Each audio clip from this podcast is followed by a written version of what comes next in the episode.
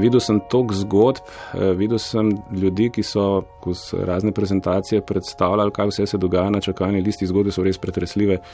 Uh, imel sem možnost poslušati mlado dekle iz Anglije, ki je bila na čakalni listi za pljuča. Imela je cistično fibrozo, ki prizadene že zelo mlade. Opisovala je celo skupino, praktično cel razred uh, mladih čakajočih, enako na pljuča kot ona. Opisovala je njihove karakterje, ko se začnejo razvijati po obdobju pubertete.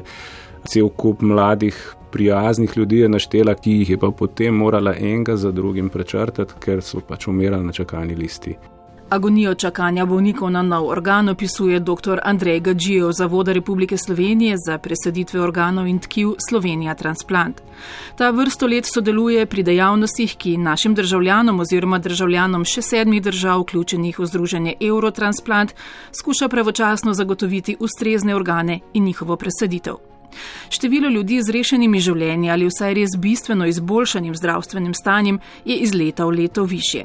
Samo lani je bilo presajenih 117 organov, letos že 13 in presaditev v življenja prinaša res velike spremembe. Mihi Gašperino so bili zaradi pešajočega srca šteti meseci, pomagala niso ne številna zdravila, ne terapija z matičnimi celicami. Šlo pa sem še navzdal, sem še navzdal, sem še navzdal. Tako da, dosti noči je bilo prespanih, sede z guncanjem, ne, ali pa sploh nisi mogel spati, ker te je skozi dušil, ker to te hotlo kar zadušiti. Ne da ti dihati, ne moreš, čim se uležeš, vse te v, v prsih te boli, tiščite. Nisem več tudi nikamor hodil, oziroma tudi avto sem že zelo težko vazil.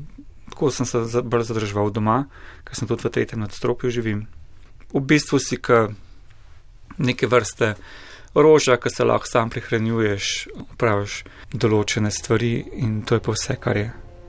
Mislim, tako še ne, če zdaj pomislim, kakšno kvaliteto imam zdaj napram nazaj, 19 mesecev oziroma dve leti nazaj, je to zdaj čist drugo. Gospa Alenka Brecel je novo ledvico dobila po 27 letih življenja z boleznijo imaš občutek, da se ti je življenje na novo začelo. Ne? Imaš drugo možnost.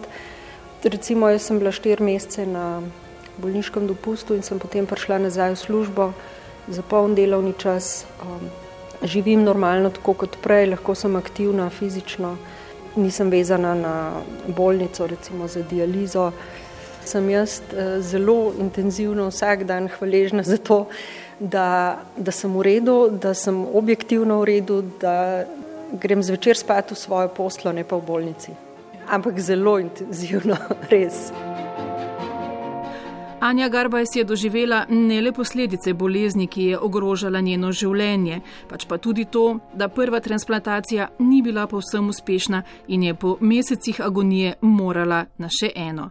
Olajšanje potem, ko je ta uspela, pa je bilo nepopisno. Iz ene um, take zelite, zelitega telesa, ki je prej ne in, in potem enega spet lahkotnega telesa, ko, ko se pač čez rehabilitacijo prideš in začneš normalno spet funkcionirati, je taka razlika, ne, da si res vesel in je čist drugačen, um, kri je dobra in vse je zdaj spet v redu. Ne. Tako da, ja, izkušnja um, težka, ampak nekako vse dobra. Trudim se, da sem pozitivna, da se smejam, da uživam pri stvarih, ki jih delam, kar se je zelo spremenil. Se mi zdi, da kar z polno žlico zajemam, no? da zelo bogato živim in da mi nič ne manjka, prav nič. Večina organov, ki jih dobijo slovenski bolniki, je darovana v Sloveniji, vendar imamo zaradi povezanosti z vezo Eurotransplant organe možnost dobivati tudi iz drugih držav članic, a le, če jih tudi mi oddamo dovolj. Lani smo za reševanje življenj drugot darovali 63 organov, 91 organov iz tujine pa je rešilo življenja slovenskih bolnikov. A vsemu trudu in povezavam ne vkljub vsako leto pri nas bitko s časom izgubi okoli deset ljudi, tudi mladih. Ne le zato, ker ni dovolj oseb, ki bi sicer zdrave umrle možganske smrti, kar je edini način, da lahko zdravniki varno oduzamejo organ, pač pa tudi zato, ker skoraj tretjina vprašanih svojcev oduzema organov ne dovoli. Zato je v tako tragičnih trenutkih tako zdravnikom kot svojcem v neizmerno pomoč, če se je človek že opredelil za darovalca ali vsaj če poznajo stališče do darovanja, ne glede na to, kakšno je. Kako pomembno je to, ve tudi sogovornica Klementina, ki je izgubila očeta, ko ga je pri 46 letih doletela nenadna možganska smrt. Um, ne vem, kako točno bi se prišlo do teh debat, ampak mi smo se doma večkrat pogovarjali o tem, bila je nekako kar jasna odločitev, pač iz smeri vseh nas, treh, um, da bi si želeli enkrat drvati organ, če bi prišlo kdaj do tega, moja če pač večkrat rekel, razpomnim se tega stavka kaj se ne bom nad sabo nesel, meni ne bo nič pomagala. Ne? Tako da pač mi smo točno vedeli, kakšna bi bila njegova odločitev, oziroma je bila. Ne? In mogoče, če mi ne bi govorili o teh stvarih, tudi ne bi razmišljala in ne bi vedela, kaj bi si oče želimo. Ne? Tako da meni se zdi zelo, zelo pomembno, da se ljudje pogovarjajo o enih takih stvarih. Pa tudi, če je to zdaj nočem drvati, ampak pomembno je, da vemo od nekoga odločitev. Toda število tistih, ki so storili ta korak in se tudi uradno opredelili za darovalca, je manj kot 5500. Tudi zato, ker je postopek upisa precej zapleten. Zahteva namreč oseben odhod na eno od prijavnih mest in to v času delovnih ur.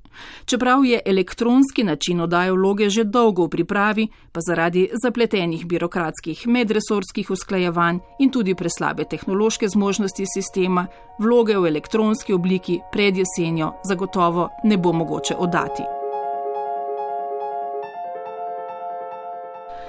Zaradi vsega naštetega, pa zaradi sicer visoke naklonjenosti javnosti darovanju organov, pa tudi zato, ker je Francija z novim letom uvedla tako imenovani domnevni pristanek, po katerem je darovalec vsak, ki se v času življenja pisno ne opredeli proti, je tudi pri nas oživelo vprašanje, zakaj takega sistema nimamo tudi mi. Imajo ga namreč tudi na Hrvaškem, v Avstriji, v Španiji, Luksemburgu, na Finskem, Polskem, Portugalskem, Mačarskem, Norveškem, v Belgiji. Pravkar je tak zakon v javni razpravi tudi v Bosni in Hercegovini. Dr. Gađijo spomni, da tak poskus leta 2010 pri nas ni dobil politične podpore in to zaradi mnogih pomislekov. Predsodek je pri nas, da se bodo te informacije nekrat prišlo in bojo zlorabe na tak ali pa drugačen način ko smo poskušali eh, z opredeljevanjem proti, so bili ljudje mnenja, da se bo to zvedali in da se jih bo označili kot slabe, ker nočejo drugim pomagati in da bojo zaradi tega slabše tretirani v poteku zdravljenja kakršne koli bolezni. Um, v primeru opredeljevanja zapa so se tudi pomisleki pojavljali, da bomo prišli do te informacije in v bistvu jih zdravili na tak način, da se bo vse steklo v možgansko smrt. Um, lahko vas vse pomirim, podatek je zaklenjen do smrti nihče ne ve za njega, skrit je v registr, kamor se lahko dostopa šele po upisani uri smrti z kartico zdravstvenega delavca, ki je profesionalno izvežban za eh, delo znotraj transplantacijske dejavnosti in s kartico zdravstvenega zavarovanja, tako da tukaj ni nobenih zlorab. Sistem je popolnoma transparenten, ni vsaka bojazen odveč.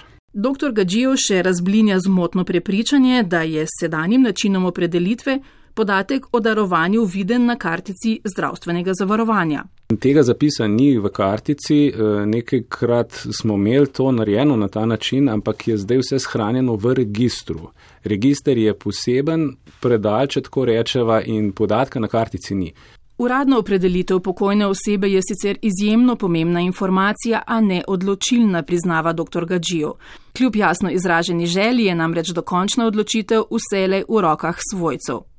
Eh, mi na vsak način želimo govoriti svojci, ker jim želimo dati informacijo. Ne potrebujemo ničesar skrivati, zadeva je popolnoma, kot sem že rekel, transparentna in humana, ampak svojci na ta način dobijo še tisto informacijo, ki jo sicer ne bi. Želimo, da vejo vse, kaj se dogaja, želimo, da razumejo, kaj je možganska smrt. Skratka, vse pomisleke, ki bi se znotraj teh dogodkov in dejavnosti lahko pojavljali, želimo v pogovoru s svojci umakniti. Poleg tega pa eh, ne moremo zdravstveni delavci vsega vedeti o pokojni osebi, tako da mi svojce rabimo tudi zato, da preprečimo možen prenos prenesljivih okužb iz strani darovalca na prejemnika in dosti krat šele najbližji svojci pa partneri vejo, kaj bi lahko tukaj še bilo znotraj anamneze, kot mi rečemo, kar bi bilo lahko nevarno za prejemnika. Tako da pogovor s svojci je obveza. Taki pogovori so seveda izjemno stresni, a tudi zaradi njih je vsako leto v Evropi ohranjenih na tisoče življenj. Izkušnje pa kažejo, da čez čas svoje vrstno uteho pomenijo tudi za svojce darovalcev. Pred nedavnim je ljubljansko ekipo obiskala mama, ki je po skoraj desetletju od darovanja sinovih organov dobila pismo zahvale iz tujine in ob tem povedala, da je odločitev za darovanje ob tem najbolj tragičnem življenjskem dogodku ne le olajšala žalovanje, pač pa je. Počasi začela potem to sprejemati kot neko poslanstvo in je razvila se popolnoma drugačno osebo, ki je sposobna zdaj tudi drugim v stiski pomagati. In se je v bistvu oglasila pri nas in nam je to zgodbo povedala, zelo pretresljivo, zelo zanimivo, tako da nam je dala dodatno oporo k temu, kar počnemo. In zadovoljstvo in tolažbo v darovanju najdejo mnogi. Kasneje, če naletimo na njih, ko vse to sprocesirajo, je praktično pri vseh tak, tako mnenje, tako odgovor in jim ni žal, da se so za to odločili. Se zgodi, da se dobi informacija od tistih, ki so bili proti, kjer pa se pojav ta pomislek, kaj je takrat bilo, da se nisem drugače odločil. In kakor na eni strani smrt prizadene številne svojce in prijatelje, na drugi strani tudi preseditev ne prinaša olajšanja le bolniku. Ker morate vedeti, da takrat ne trpi samo ta, ki čaka na organ, trpi z njim vsa okolica, od staršev, prijateljev, partnerjev, širše skupnosti. Tako da sami radi rečemo, da z enim presejenim organom ne pomagaš samo enemu človeku, ampak od 50 do 100 ljudem. Podobno Klementinino prepričanje pa je le še potrdilo pismo, ki ga je dobila kmalo po očetovi smrti. Če tako smo mi izvedeli, da je prejemnik srca mojega pokojnega očeta nekako na novo zaživel, um, tega se ne da upisati. Pač, Kukor se mogoče čuden sliši, nekako je dal težo tej smrti, ne? pač za nekaj je bilo vreden, če lahko se sploh tako izrazim. Še vedno, se pravi, še vedno ostaja smrt uh, tvoje ljubljene osebe ampak veš, da si nekaj dobrega potegnil iz tega. Mogoče smo mi nekoga izgubili, ampak nekdo je pa nekoga dobil nazaj. En človek je pa dobil kar neko drugo priložnost.